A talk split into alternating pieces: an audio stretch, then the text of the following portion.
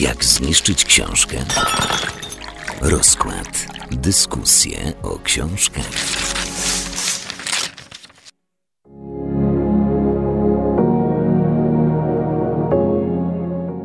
Witajcie, jesteśmy dzisiaj w rozkładzie. Przed mikrofonem jest z wami Karolina Gawot. i Joanna Jastrzębska. Gdy zakwitają wiśnie, ludzie stają się radośni. Piją sakę, zajadają się dango i spacerując wśród kwiatów, rzucają frazesami o pięknym widoku czy wiośnie w pełnej krasie. Ale to wszystko kłamstwa. Dzisiaj porozmawiamy o książce W lesie pod wiśniami w pełnym rozkwicie. Ango Sahaguchi jest autorem. Nowość wydana oczywiście przez wydawnictwo Tajfuny. To może sami się domyśliliście już po takim z japońska brzmiącym nazwisku. I, I co? To jest jedna z trzech chyba do tej pory wydanych pozycji w serii mini. W tej serii wydawani są autorzy klasyczni, którzy już którzy publikowali na początku ubiegłego wieku. Dokładnie tak. Jeśli chodzi o budowę tej książki, mamy tutaj dwa opowiadania, które są, myślę, że powiązane poniekąd ze sobą, mają wspólne elementy. Są to dosyć specyficzne opowiadania. Przyznamy się, że przyna- przynajmniej ja nie spotkałam się nigdy z niczym podobnym. Mamy tutaj dużo brutalności. Głównym, mm, moim zdaniem, tutaj odniesieniem jest taka kobieta, jaką femme fatale. Ta książka jest pełna brutalności, takich opisów związanych z trochę z uśmiercaniem, z brutalnością. Hmm, trochę chyba się nie zgodzę y, z tą y, brutalnością, ale może do tego za moment wróćmy, a te opowiadania są poprzedzone wstępem i ten wstęp troszeczkę nam mm, przybliża postać autora. No właśnie, nasza tłumaczka Karolina Bednarz tłumaczy trochę, mówi nam trochę więcej na temat autora, trochę nam mówi, jak wyglądało jego życie, skąd on czerpał inspirację, dlaczego tak mogą wyglądać te opowiadania. Mamy tutaj właśnie informacje o tym, że on w młodości czytał głównie e, takie książki trochę typu Harlekiny, w którym właśnie jest przedstawione są romanse kobiety, mężczyzny w takim najprostszym tego słowa znaczeniu. I też czytał książki takie tradycyjne chyba japońskie. I to, co się w tej lekturze, w tych opowiadaniach znalazło, jest właśnie mm, zainspirowane jego czytelniczymi wyborami w młodości. I my dzięki temu się dowiadujemy, skąd tyle brutalności w tych książkach, skąd nawiązania do tej takiej e, tradycyjnej Japonii i, i tego podejścia do, do relacji między mężczyzną a kobietą. Tutaj mamy też fragment tego wstępu. Trudno było zaspokoić jego apetyt, dużo jadł, dużo pił, romansował, brał narkotyki, namiętnie czytał, jeszcze więcej pisał, przeskakując z formy na formę, z gatunku na gatunek, doświadczając wszystkiego po kolei, jak gdyby zawsze było mu mało. Jedno zdanie, a rysuje nam od razu całą barwność tak naprawdę autora. Dokładnie, a może spróbujmy w jakiś sposób scharakteryzować te dwa opowiadania, albo poniekąd przybliżyć, co się w nich znalazło, bo myślę, że to by pomogło trochę zrozumieć, na czym słuchaczom w tym, o czym będziemy mówiły. Mhm, mm, tylko myślę, że niepotrzebnie zawiesiłaś tutaj głos, dlatego że opisy wszystkie fabularne, no to jest twoja domena. Dobrze, tak. W pierwszym opowiadaniu mamy mm, mężczyznę, którego poznajemy. On mieszka w górach. E, To jest taki, taki chłop po prostu, który żyje w górach. Ma bardzo wiele kobiet, z którymi mieszka, które mu sługują. Są jego żonami. Są jego żonami, tak, tak, tak. Ale spotyka piękność na swojej drodze i, i zabija jej męża i ją kradnie, tak naprawdę. I ona później mówi mu, żeby zabił wszystkie pozostałe żony, bo ona jest tutaj taką wspaniałą istotą, piękną i ona będzie wystarczająca tak naprawdę w jego życiu, więc on też to czyni. Zostawia jedną e, kobietę tylko, która jest ich służącą. I później ta nasza bohaterka, ta właśnie ukradziona żona, kolejna, okazuje się taką bardzo postacią, która go sprowadza trochę na złą drogę. Jeszcze bardziej jest taką właśnie femme fatale, która trochę go prowadzi i rozkazuje. On na wszystko się godzi, bo jest zachwycony tą jej urodą. Ona potem ma takie też upodobanie, które się wiąże z tym, że Powiemy to? To nie będzie za dużo? tak, tak. Każe, nie ale żeby, zgody, żebyśmy, ale- żebyśmy tutaj tą trochę dziwność tej książki zrozumieli, każe mu zabijać poszczególne osoby i zostawia sobie ich głowy, którymi później się, można powiedzieć, bawi tak naprawdę. I mówimy, wskazuje mu konkretne osoby, które ma zabić, konkretne typy osób. Tutaj Już może tancerkę. tutaj zostawmy troszeczkę frajdy czytelnikom z odkrywania tych, o co chodzi z tymi głowami, ale jeszcze może zarysujmy fabułę drugiego opowiadania. A w drugim opowiadaniu mamy mamy bohatera, który jest rzemieślnikiem, mhm. rzeźbiarzem i on zostaje skierowany do Zamku Królowej, w której ma wykonać pewne zadanie, a on jest tak naprawdę początkującym rzemieślnikiem, który chyba jeszcze nie powinien wejść na ten poziom, ale że zostaje tam skierowany, to stwierdza, że musi um, podołać temu zadaniu. Ma trzy lata na wykonanie wspaniałej figurki, ma jeszcze dwóch rywali. Poznajemy jego losy na tym dworze królewskim, jego relacje z, z księżniczką, która ma bardzo takie specyficzne upodobania.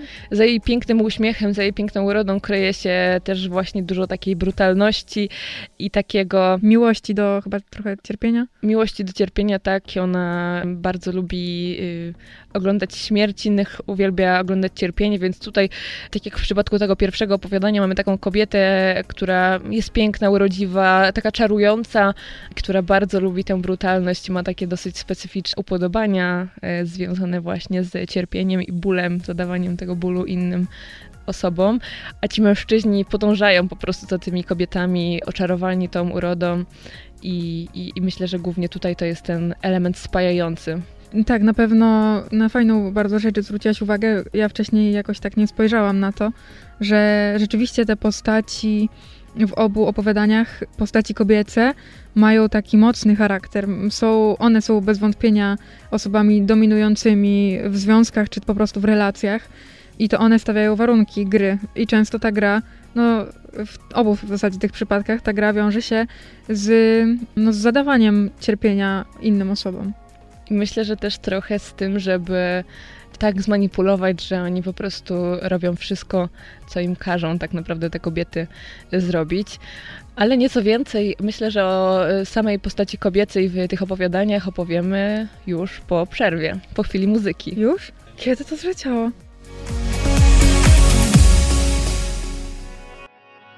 His friends all came to the funeral underdressed. They stuck around for an hour or so and then they left. Rozkład. Dyskusje o książkach. Witajcie ponownie w rozkładzie. Przed mikrofonem jest z wami Karolina Gawot i Joanna Jastrzębska. Przedmiotem naszych rozmów jest książka W lesie pod wiśniami w pełnym rozkwicie. Ango e, Sahaguchi jest autorem tej książki. Mamy tutaj dwa opowiadania i wracamy do wątku kobiecej postaci w tych opowiadaniach, która uwielbia cierpienie, uwielbia sprawiać ból, a kryje się za tym też wspaniała uroda i taka, takie uwodzenie tych mężczyzn. E, Zastanawiam się trochę, bo mówisz, że wracamy do tego tematu, a ja trochę nie wiem, co tutaj więcej mówić, bo jakby to jest świetna obserwacja, że rzeczywiście warto przyjrzeć się tym kobiecym postaciom zarysowanym przez autora. Ale co tutaj mamy jeszcze więcej powiedzieć? Czy ty jeszcze chciałabyś dodać coś do tej obserwacji? Do Najchę najchętniej pewnie bym trochę pospoilerowała jeszcze i, tak myślałam. E, i opowiedziała nieco więcej na temat tego, co te kobiety zrobiły, że ci mężczyźni podejmowali takie decyzje, jakie podejmowali i w ogóle do czego ostatecznie to doprowadziło, aczkolwiek myślę, że pewnie to już będzie za dużo. Myślę, że zdecydowanie to może, bo jakoś tamto wejście mi bardzo szybko osobiście zleciało i mam wrażenie, że nie powiedziałyśmy jeszcze w ogóle takiego, mm, może takich ogólników trochę. Nie powiedziałyśmy nic, co mogłoby troszeczkę jakoś osadzić tę literaturę w jakimś kontekście naszym czytelnikom, bo no to jest już druga pozycja z literatury japońskiej, którą my omawiamy. I zaraz ciebie zapytam, y, czy widzisz jakieś podobieństwo do, do grobowej ciszy żałobnego zgiełku Jogo Ogawy? Mm, bo ja tutaj widzę, my tam zwróciłyśmy na to uwagę, takie nonszalanckie trochę podejście do śmierci i do zadawania bólu. Myślę, że jest ładne słowo, nonszalanckie. Tak, tam jest absolutnie brak takiego, takich emocji związanych z, z bólem, z cierpieniem, ze śmiercią. Jakby to jest opisywane jak każda inna czynność tak naprawdę. I tutaj jest podobnie, tak? Tutaj w ogóle nie spotykamy się z jakimikolwiek emocjami związanymi z, z tym bólem, z cierpieniem i tutaj też prawdopodobnie to wygląda jakby to było bardzo prozaiczne i zwyczajne tak naprawdę, co się dzieje. Aczkolwiek tutaj to mnie dziwi, bo to jest książka jednak napisana już pewnie koło 100 lat temu, albo raczej te opowiadania, bo książka jest stosunkowo nowa, tak, bo rozmawiamy o tak naprawdę premierowej książce, która w lutym wyszła, więc więc tutaj jest cały czas nawiązanie chyba do tej Japonii takiej właśnie klasycznej. Właśnie, bo tak powiedziałaś o tym, że kobiety to były femme fatale, trochę takie demony też, bo to, ta metafora też się pojawia w opowiadaniach. A ja miałam taką myśl, czytając mm, jedno z tych opowiadań, to pierwsze, że tak trochę się pogubiłam, bo okej, okay, tam mamy bardzo dużo śmierci, bardzo dużo zabójstw, no bo tak jak już Karolina powiedziała, no są potrzebne głowy, no a głowy możemy pozyskać, ludzkie głowy możemy pozyskać tylko przez zamordowanie kogoś. I byłam trochę zagubiona, dlatego że, no wiadomo, że w naszym świecie i jakby w, chyba w większości istniejących światów zabójstwo jest czymś no absolutnie niedopuszczalnym, a tam było traktowane tak zwyczajnie, że zaczęłam się zastanawiać, czy to jest w ogóle taki świat, element świata stworzonego przez autora, czy może po prostu to jest jednak pisanie o zabójstwie w taki sposób, że jest mu odbierany cały ładunek tego złego czynu. No właśnie pewnie byśmy musiały poczytać więcej książek takich japońskich, japońskich autorów, żeby móc to stwierdzić, ale na podstawie na pewno tych dwóch możemy tak obserwację wysnuć już, że tutaj ta śmierć nie jest niczym istotnym. To jest dokładnie tak jakby ktoś miał jakieś zainteresowanie i nie wiem, zbierał znaczki czy, czy nie wiem, kwiaty na łące i podobnie wygląda to w przypadku tych głów, które były pozyskiwane przez naszego bohatera, po prostu zabijanie kolejnych osób i zostawianie sobie ich głów. To było coś na takiej zasadzie moim zdaniem. Tak, bo on jakby nie miał absolutnie problemu z tym, żeby pójść i przynieść głowę, ale kiedy jego rola w tym związku przestała mu się podobać, to nie dlatego, że wiedział, że robi coś złego, tylko dlatego, że po prostu chciał, no, chciał zajmować się czymś innym, ale no, no nie, nie przez to, że myślał o sobie jako o mordercy i złym człowieku. Dokładnie, to jest bardzo, bardzo trafne spostrzeżenie, więc tutaj mniej więcej to podejście do, do tej kwestii śmierci i zabijania innych osób tak wygląda. Ale moim zdaniem ciekawym wątkiem jest tutaj też podejście do japońskich drzew. Ale mówisz o jakichś innych niż o wiśniach? O wiśniach, dokładnie tak, mhm. o wiśni. Bo tutaj mamy bardzo dużo symboli według mnie. I takim jednym z nich właśnie są te, w pierwszym opowiadaniu spotykamy się z e, wiśnią właśnie, tymi pięknymi drzewami wiśni i nasz bohater jest przerażony nimi, no, mu się kojarzą ze śmiercią. I nie tylko on chyba. Są przesądy o tym, że kto przejdzie przez las wiśni, to, no, że to, to jest generalnie straszne doświadczenie, a już w duecie przejść, no to już całkiem można postradać zmysły. Tak, więc dla mnie to było bardzo interesujące, tak, bo ja kojarzę te kwiaty wiśni oczywiście z jakichś pięknych zdjęć, które mogłam gdzieś w internecie oglądać. Takie mm, zawsze, zawsze to wyglądało wspaniale, a tutaj to jest e, przedstawione właśnie, że to jest taka zguba trochę, taka niepewność i, i taki strach po prostu przed tym, co się kryje za tymi wiśniami, za obcowaniem z nimi tak naprawdę. Ale dostrzegasz tutaj może taki, takie podobieństwo trochę do opisu kobiety? Tak, tak, tak, tak, dokładnie tak, więc ja to tak trochę chcę połączyć z tym, że tutaj równie straszna jak ta kobieta i zgubna, prowadząca do zguby jest właśnie ta, te drzewa wiśni tak naprawdę. No właśnie, tylko że o tych drzewach wiśni bohaterowie, bohater w zasadzie wie, że one niosą zgubę, są piękne, ale niosą zgubę, natomiast co do kobiet, to bohaterowie raczej nie są tego świadomi. Oni widzą piękno i są zachwyceni, ale nie mają od razu wdrukowanej myśli, że za tym pięknem kryje się śmierć, zguba, cierpienie. Tak, tak, ale myślę, że wysnuwając wnioski, można dojść do tego, że po prostu tutaj tu piękno jest zgubą po prostu. To, jest, to się wiąże z, z takim zupełnym straceniem chyba umiejętności jakiegoś logicznego myślenia, bo to piękno jest po prostu tutaj taką bardzo bardzo ma dużą wartość i, i przysłania wszystko inne. Takie piękno do utraty zmysłów i w ogóle do utraty rozsądku zdrowego. Tak, zgadzam mm. się z tym. Jak w ogóle czytało ci się tę książkę? Myślę, że bardzo dobrze. Tam było bardzo dużo takich, mnóstwo różnych wątków, cały czas jakieś różne symbole. Człowiek się zastanawiał po prostu nad tym, co może to oznaczać tak naprawdę, o co, o co chodziło trochę autorowi, ale sam sposób opisania tego jest bardzo, bardzo prosty, bardzo zrozumiały. Ja przyznam, że podejrzewałam raczej, że że tobie ta książka się nie spodoba i że jej nie doczytasz, miałam wrażenie. Może trochę dlatego, że mi się ją bardzo trudno czytało, ale mimo wszystko, no to jest pchełka rozmiarowo, to, to jest stustronowa książka, także no tyle co nic. Jednak ten klimat, ten, nie wiem, czy język, ale to takie surrealistyczne przedstawianie świata, te surrealistyczne w ogóle wydarzenia, które tam się działy, no, sprawiły, że właśnie teraz mam ochotę poczytać w ogóle jakąś normalną książkę, zwykłą, nie jakąś wybitną, nie jakąś niszową, tylko najzwyklejszą, prostą, bo chyba muszę przyznać, że w lesie pod wiśniami w pełnym rozkwicie potrafi zmęczyć. Tak, ja właśnie myślałam o tym, że ja nie wiem czy chętnie, ale przeczytałabym tę książkę jeszcze raz, żeby na pewno jeszcze raz potrafić może spróbować połączyć to wszystko, co się tam znalazło, przeanalizować te symbole, które się tam znalazły, bo ja mam świadomość tego, że, że one są, ale nie wiem, czy na tym etapie jestem w stanie po pierwszym przeczytaniu wszystko to połączyć ze sobą. Myślę, że to taka trochę książka dla, trochę dla koneserów, trochę dla osób, które lubią wymagającą literaturę, na pewno nie jest to książka taka, którą można sobie od tak przeczytać po prostu dlatego, że nam się nudzi. Myślę, że to jest raczej pozycja, na którą trzeba mieć ochotę, że konkretnie coś takiego specyficznego, mocno dziwnego przeczytamy, ale też zarazem oczywiście pięknego, bo to, to ma swój urok zdecydowanie, ale widzę, że już chciałabyś przejść do rozmowy o, o tym, co jest u nas zawsze na końcu. Tak, teraz okładka. Aczkolwiek przyznam się, że w takim przypadku jak tutaj zastanawiałam się, czy tę okładkę omawiać, bo tutaj, e, jeśli chodzi o te okładki, to one są dosyć podobne, jeśli chodzi o tajfuny.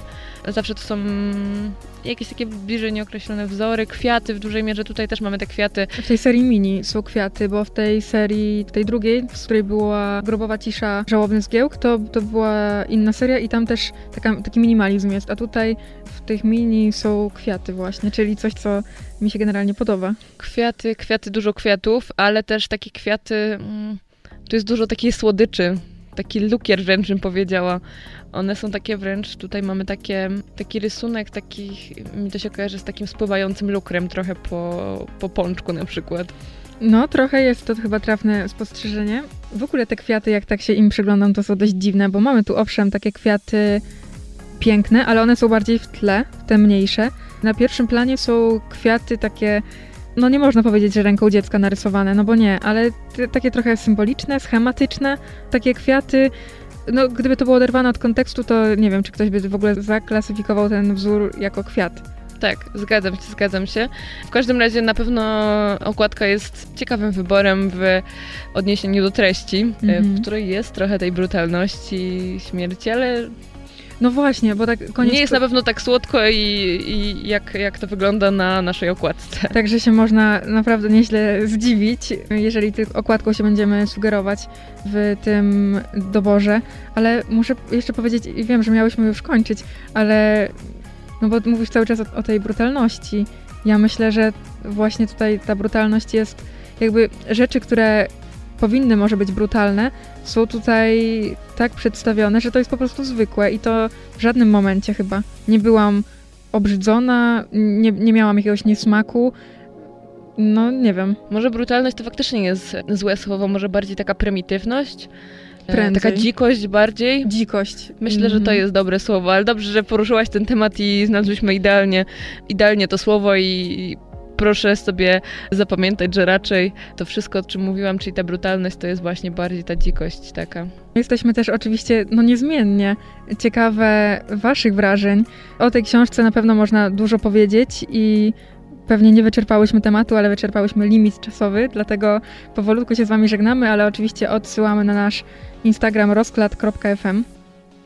Tam na pewno będzie informacja o trochę jeszcze o tej książce, to co pewnie nie zostało powiedziane, ale też no, zachęcamy przede wszystkim do przeczytania. I do dyskusji, bo przecież rozkład dyskusji o książkach, a dzisiaj były z Wami Joanna Jastrzębska i Karolina Gawot. Do usłyszenia. Do usłyszenia.